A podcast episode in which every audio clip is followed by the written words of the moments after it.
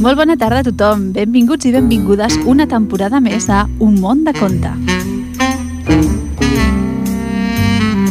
Us en recordeu de nosaltres, oi? Sí, sí, tots els dimecres de 6 a 7 de la tarda el programa que fem en Jordi Puy i jo mateixa, la Marviera. I us deia una temporada més perquè aquesta és la tercera temporada de l'Un món de conte. I portarem doncs, més històries, més contes, informació relativa a la literatura infantil i al món dels contes i tot això ho amenitzarem amb bona música. Seguim al mateix lloc, eh? al 91.3 de la FM, a Ripollet Ràdio, a l'emissora municipal. I recordeu que també ens podeu trobar a www.ripolletradio.cat.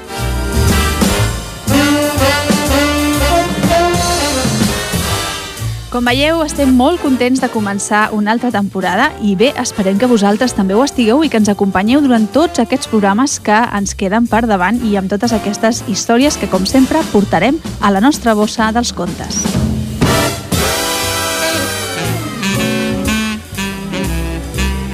Abans de començar amb els contes, us faig una mica de resum del que portem avui. Doncs bé, portem un conte que es titula Sorra a les sabates, eh? I que, bueno, ens recordarà una miqueta aquelles les vacances, les que encara les tenim així properes, perquè no se'ns acabin d'oblidar.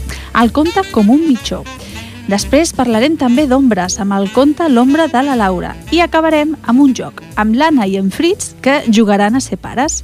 I com us he dit, ho acompanyarem amb una música. I aquesta vegada portem a The Ladies. Cuando cada día yo te veo pasar, run, run, run, run, run. The Ladies, que, si recordeu, són un dels grups que van estar amb nosaltres a la Festa Major i van fer un concert d'allò més divertit.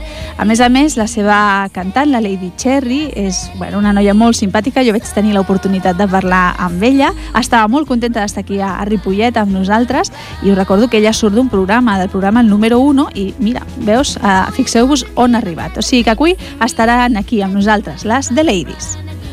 Run. Miradas sentir that you run, run, run, that you run, run. Doncs bé, abans de començar amb el contingut del programa, eh, com sempre, doncs us porto una miqueta d'informació.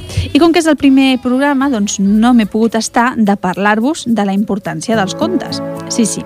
Per què són els contes tan importants pels nens? Doncs bé, quan som nens ens encanten que ens expliquin contes i quan ja som pares ens encanta explicar-los. Però què tenen els contes que ens agraden d'aquesta manera, i tant a grans com a menuts? Per què ens agraden tant i què és el que conten o, o, o per què els llegim? Les històries que expliquem són històries per créixer, són aliment per créixer, com els cereals, per exemple, de l'esmorzar.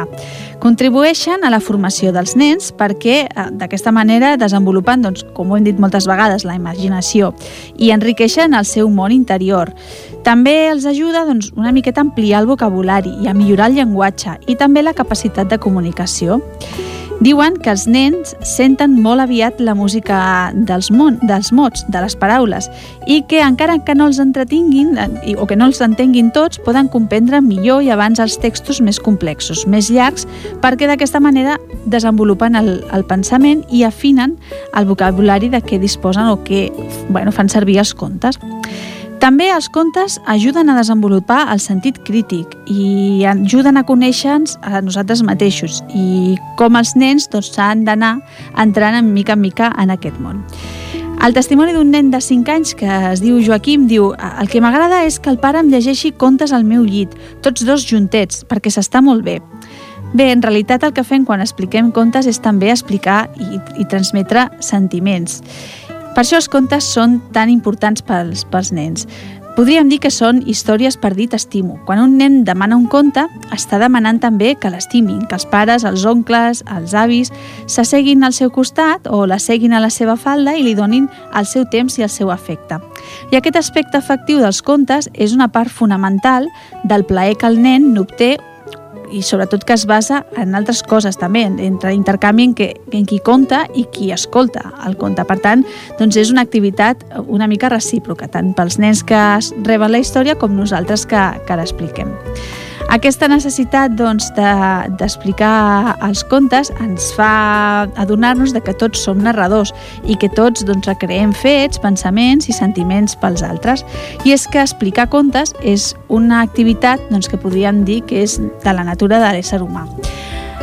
A un dels contes que avui explicarem, el darrer, el de l'Anna i en Fritz jugant a ser pares, he trobat un pròleg de la seva autora, de la Martina Mer, que diu així Els llibres són bombons per l'ànima. No engreixen. Després de llegir-los no t'has de rentar les dents. Són silenciosos. Te'l pots emportar tot arreu i sense passaport. Els llibres tenen encara un altre avantatge. Fins i tot els més gruixuts tenen una última pàgina i això fa que en necessitis un de nou.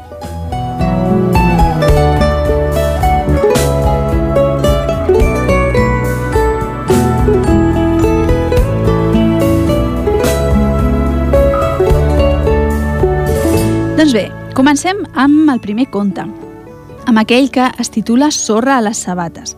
I en realitat aquest conte el que explica és com ens podem ficar dintre dels contes. I no, no, no parlo físicament, no, no parlo d'entrar dins les pàgines del llibre i ficar-nos uh, entre aquestes pàgines, sinó parlo de com entrar dintre de la història. I això és el que ens explicarà la protagonista del conte. Aquest és un conte de l'editorial Galop i està escrit pel Pep Molist. I comença així. En Roc, el bibliotecari, va somriure quan va veure la Maria a l'espai de la biblioteca per als més petits. Estava envoltada de llibres. La Maria, per fi, s'havia quedat sola. La seva mare havia marxat un moment. La Maria moltes vegades havia vist brillar els ulls dels seus germans quan parlaven de com era de meravellós ficar-se dins d'un llibre. Els tresors que havien buscat, els amics que havien fet, tot el que havien pogut veure havia arribat el moment de fer com ells. Primer la Maria va buscar la porta per on ficar-se dins dels llibres. Ah, i la va trobar. Sí, sí, la va trobar al mig d'un conte que la mare li havia ensenyat sovint. Era una porta alta i molt ampla, dibuixada sobre una doble pàgina. A l'altre costat es veia la sorra d'una platja, les zones que hi arribaven i dos nens que jugaven. Més lluny, el mar d'un blau fosc el cel d'un blau clar, algun núvol blanc i un sol ben gran. Després la Maria va posar aquell llibre damunt de la moqueta, obert per la pàgina on hi havia la porta. Va apilar uns quants coixins al seu costat, s'hi va enfilar i va deixar-se caure damunt del dibuix. Patapam! Va trobar el llibre molt dur i va caure a terra. Dues llàgrimes van estar a punt de saltar-li dels ulls, però la Maria era molt tossuda i ho va tornar a intentar va provar d'introduir la mà dins del llibre com feia a la banyera de casa. Però resulta que el llibre era com una banyera plena d'aigua glaçada que no deixava passar ni la mà, ni el peu, ni el cul, ni res de res. Quan arribés la mare, la Maria volia de totes totes explicar-li el que havia trobat dins del llibre. Per això no es va donar per vençuda. Va agafar el llibre obert i va aixecar-lo amb les dues mans per sobre el cap, com si es tractés d'una samarreta que anava a posar-se i el va fer baixar de mica en mica com un avió de paper. Però en arribar als cabells ja no va poder anar més avall. No hi havia manera. Però com s'ho deuen fer l'Adrià i en Marcel per ficar-se dins dels llibres? es va preguntar. Aleshores, la Maria es va estirar de panxa a terra i amb la mirada damunt del llibre va obrir-lo per la primera pàgina i va començar a llegir a poc a poc. No en sabia més, només tenia sis anys. Una estona més tard, en Roc el bibliotecari va anar cap a l'espai dels més petits, on hi havia la Maria, però només hi va trobar un conte obert damunt de la moqueta.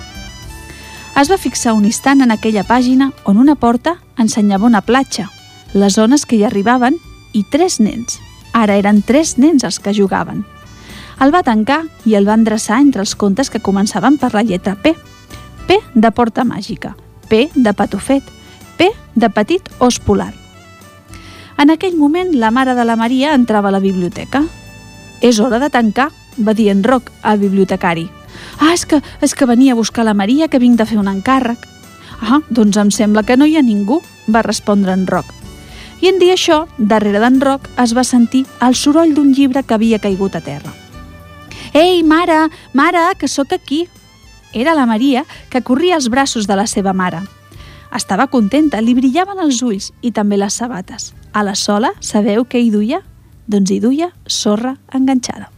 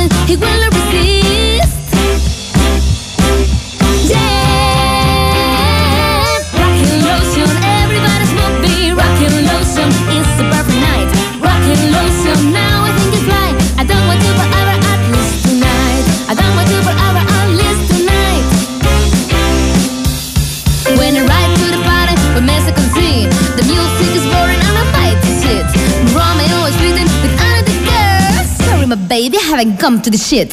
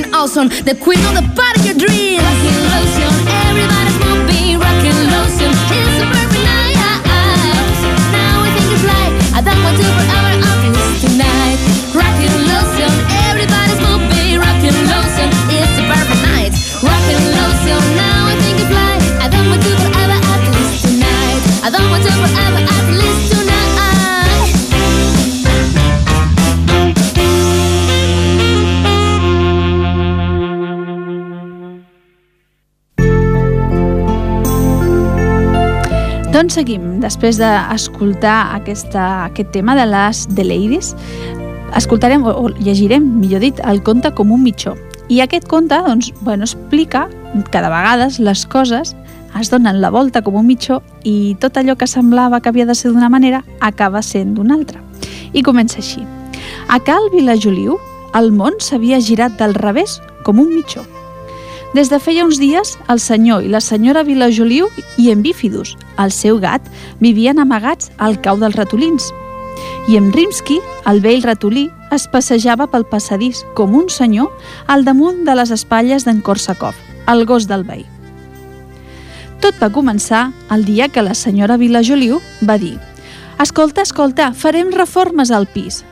«Ah, sí? I què passarà amb en Rimsky?», va preguntar el senyor Vilajoliu. En Rinsky el farem fora, va dir ella.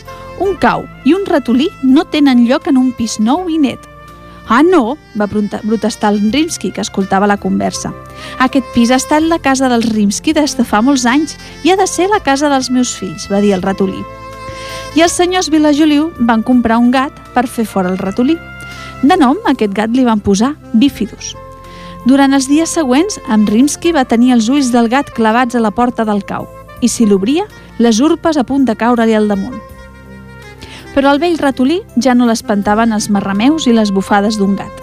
No podia sortir de casa, però des de la finestra podia cridar en Korsakov, el seu amic més proper, el gos del veí. Aquesta nit et necessito, li va dir. I aquella mateixa nit, del cau d'en Rimsky, van sortir els udols curts i prims d'en Korsakov, molt semblants als d'un mussol es van escampar fins a arribar a l'habitació dels senyors Vilajoliu, on en Bífidus dormia sota el llit. Els udols eren massa prims. Tot i que van despertar els amos, aquests no hi van donar importància. els van semblar part del somni que tenien a mig fer. La segona nit, en Korsakov va fer uns quants udols més, una mica més gruixuts, una mica més llargs, com els dels llops. Aquesta vegada, els Vilajoliu i el seu gat es van despertar del tot. En Bífidus va buscar el lloc d'on sortien, però va topar amb la porta del cau tancada arran dels seus bigotis. Els Vilajoliu i el seu gat es van espantar una mica i es van ficar tots tres junts, encongits i arraulits dins el llit. La tercera nit, els udols d'en Korsakov van ser una mica més forts, una mica més llargs, com els del vent que a vegades fa petar les finestres i anaven acompanyats del clinc-clonc d'una cadena. Aquest cop en Bífidus va trobar el lloc d'on provenien. Era un llençol blanc que caminava fent tantines pel mig del passadís. Soc el fantasma de l'avi Rimsky i aquí em quedaré per sempre més en Bífidus va fugir amb la cua entre les potes. Aquella nit, els senyors Vilajoliu i en Bífidus la van passar altra vegada junts, però més encongits, més arraulits i sota el llit. La quarta nit, els Vilajoliu van sentir només un udol, però era molt més gruixut i molt més llarg que els altres. Era semblant al badall d'un gegant. I en acabat van començar a escoltar un zig-zag-zig-zag que s'acostava. En eren dues cames que fregaven l'una amb l'altra. Les cames d'un ratolí gros, molt gros, que treia el cap per sobre d'una enorme flaçada de color gris. En Bífidus va ficar el cap sota el coixí i es va tapar les orelles amb les potes al davant. Els pèls del bigoti del senyor Vilajoliu es van erissar com les pues d'un raspall. Els ulls i la boca de la senyora Vilajoliu es van obrir com si fossin finestres. El cor de tots tres va començar a fer un bat-bat, bat-bat, cada cop més ràpid, cada cop més intens, cada cop més desafinat. De tanta por, els senyors Vilajoliu i en Bífidus, el seu gat, es van anar arraulint es van anar encongint encara més i més i més, fins que es van poder aixoplugar al lloc més amagat i petit del pis, al cau dels ratolins. I si no han marxat, encara hi són ara, i encara hi podran viure molts anys, perquè en Rimsky i en Korsakov, el gos del veí, no pensen fer reformes al pis. Un cau, un gat i uns senyors sí que tenen lloc en un pis vell i brut, deien tots dos, en Rimsky i en Korsakov, mentre sopaven i reien a la taula dels senyors Vilajoliu.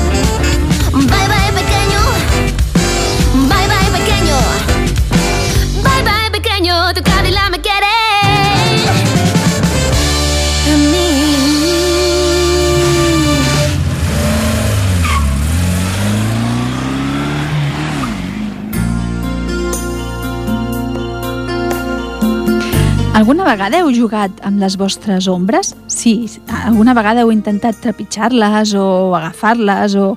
Doncs bé, d'això és del que parla el proper conte, que es titula L'ombra de, la, de la Laura. És un conte que està escrit pel Vicente Muñoz i que té dibuixos de l'Alberto Pieruz. I, doncs, bé, comença així.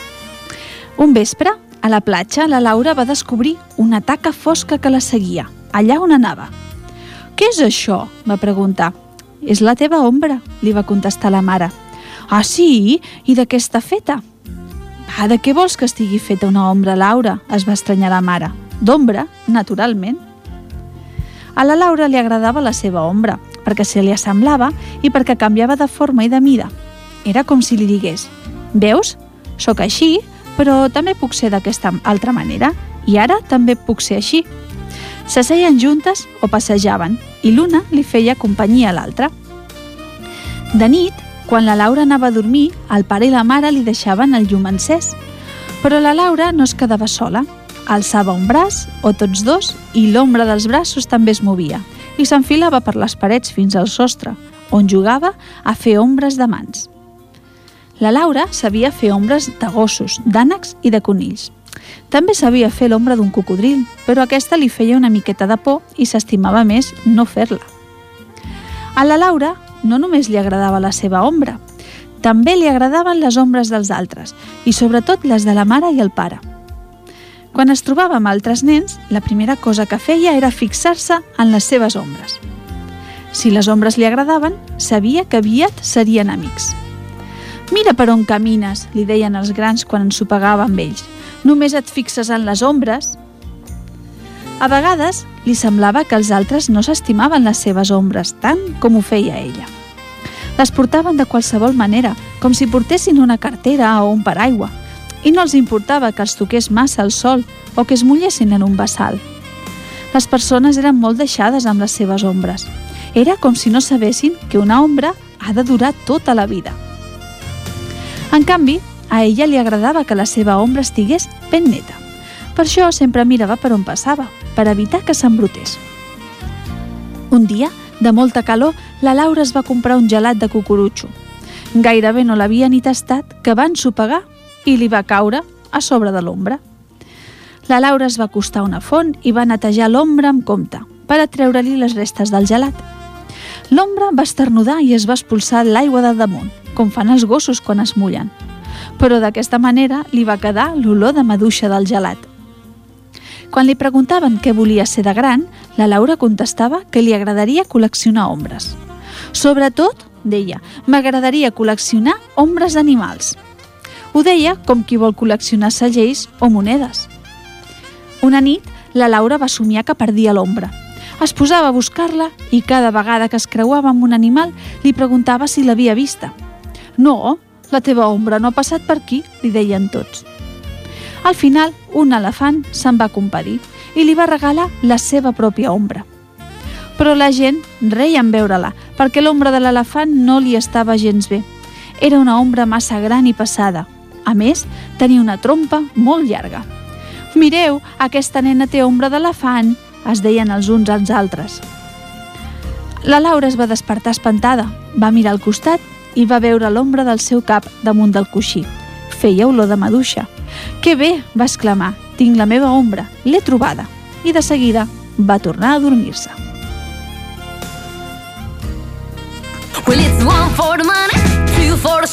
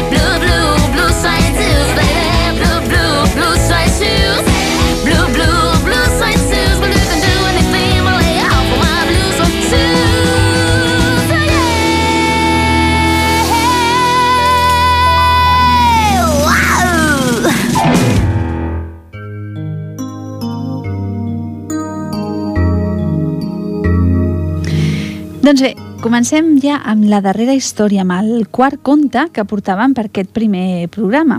I és eh, un conte molt especial, perquè a més a més, bueno, el fragment que us he llegit de, al començament del programa forma part del seu pròleg. Es titula L'Anna i en Fritz juguen a ser pares i és d'una escriptora alemana que es diu Martina Mehr. Uh, ella diu que un conte, amb un conte sobre la possibilitat de ser alguna vegada un altre de molt diferent. O sigui que ella creu que, que els contes són d'alguna manera doncs, un mitjà per aconseguir els teus somnis, allò que, que tu desitges. I bé, jo des d'aquí doncs, vull desitjar-vos a tots i a totes que aconseguiu els vostres somnis, que no deixeu mai, mai d'esforçar-vos per aconseguir allò que, que voleu. Doncs la història de l'Anna i en Fritz comença així. És molt de matí. L'Anna i en Fritz, el seu ànec, van cap a la cambra de bany. Encara estan molt adormits. La mare s'està eixugant els cabells. L'Anna se la mira una estoneta i de sobte té una idea. Fa una llada ràpida a un costat i a l'altre cap perill a la vista. L'Anna agafa un pintallavis i es pinta la boca com ho fa la mare. Avui vol ser la mare. I en Fritz? Qui pot ser en Fritz? Tu ets el pare, li diu l'Anna, i li acaricia el cap. Això a ell li agrada molt. L'Anna li posa una corbata. En Fritz dona un parell de voltes perquè l'Anna el pugui admirar bé. Després van cap al menjador. Allà hi ha el pare i la mare, que esmorzen cafè i pa amb mantega. Quan veuen entrar l'Anna i en Fritz, obren uns ulls com unes taronges. Estan molt assombrats. Qui deuen ser? Soc la mare, es presenta l'Anna, i en Fritz exhibeix amb orgull la seva corbata. Els pares de l'Anna troben aquesta mare i aquest pare molt simpàtics. Però on són l'Anna i en Fritz? En Fritz és el pare. Així doncs, ara el pare és en Fritz. Es fa un bec amb un tros de cartró i picoteja l'herba. En tindrà prou per atipar-se? La mare és l'Anna i es gronxa al jardí, amunt, amunt, quasi fins al cel, i es mareja una miqueta. En Fritz és el pare i cega la gespa. Quin terrabastall! Li agradaria poder-se tapar les orelles, però no pot. Ara ell és en pare. L'Anna és la mare i tecleja la màquina d'escriure.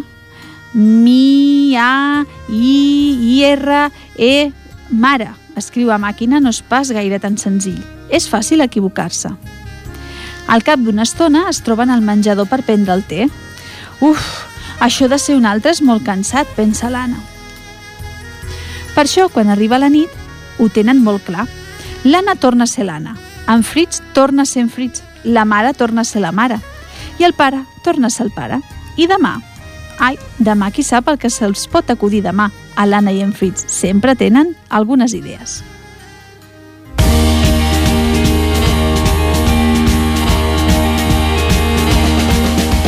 Cuando cada día yo te veo pasar, that you run, run, run,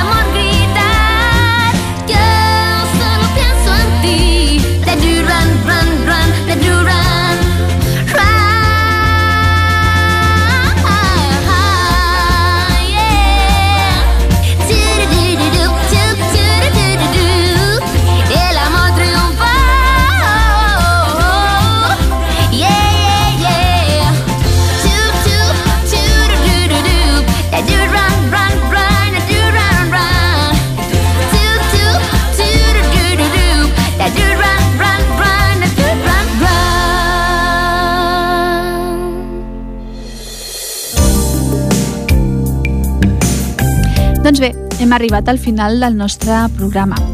Us prometo que pel proper dia, pel proper Un món de conte, portaré més històries, més contes. I recordeu, com sempre us dic i com sempre us recomano, que passeu per la biblioteca de Ripollet. Sí, sí, aquella que està allà al costat de, de l'Ajuntament.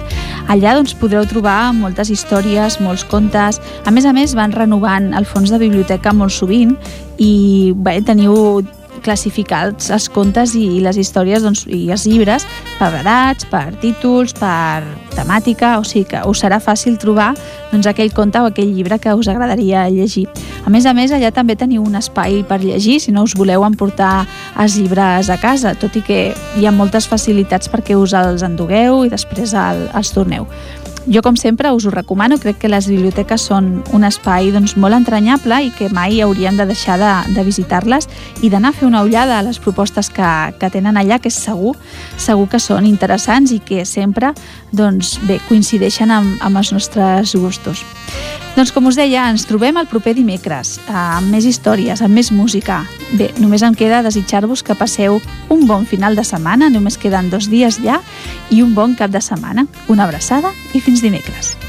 Escúchame chico, presta atención a las normas de las reinas del rock and roll. Antes de nada deberás saber bien que si no bailas esto aquí no te queremos ver. Venga, quítate el stress, la fiesta de gallitos es en otro lugar. Piensas que así nunca vas a ligar, pero nuestro concierto se viene a disfrutar. Olvida lo malo, esta noche es de colores animados.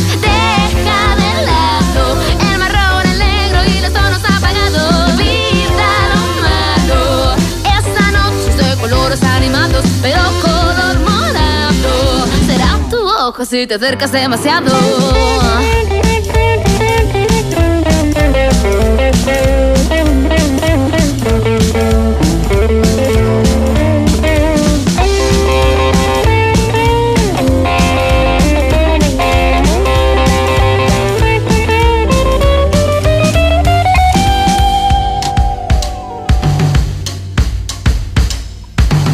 Tu amigo ya se mueve, le empieza a gustar. Sé por qué presiento que cambiarás. Pero si decides quedarte mirando, o quites esa cara, o te voy aconsejando que pienses.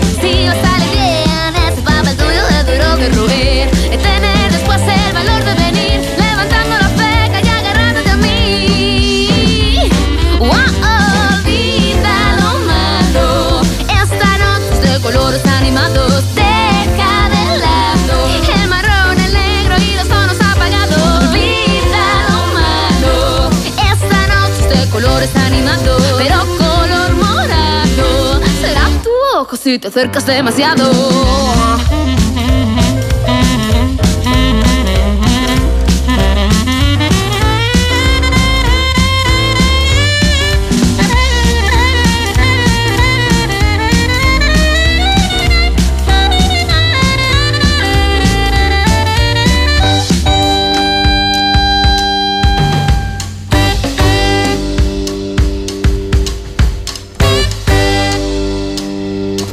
El concierto, toca recoger. Te acercas decidido, dispuesto a hacerme ver que esto, lo del rock and roll, es cosa de machotos y no puedo estar yo. Amigo, nuestra intención es que olvides los prejuicios y te muevas al son. Pero si ser duro es tu única meta, demuéstralo cargando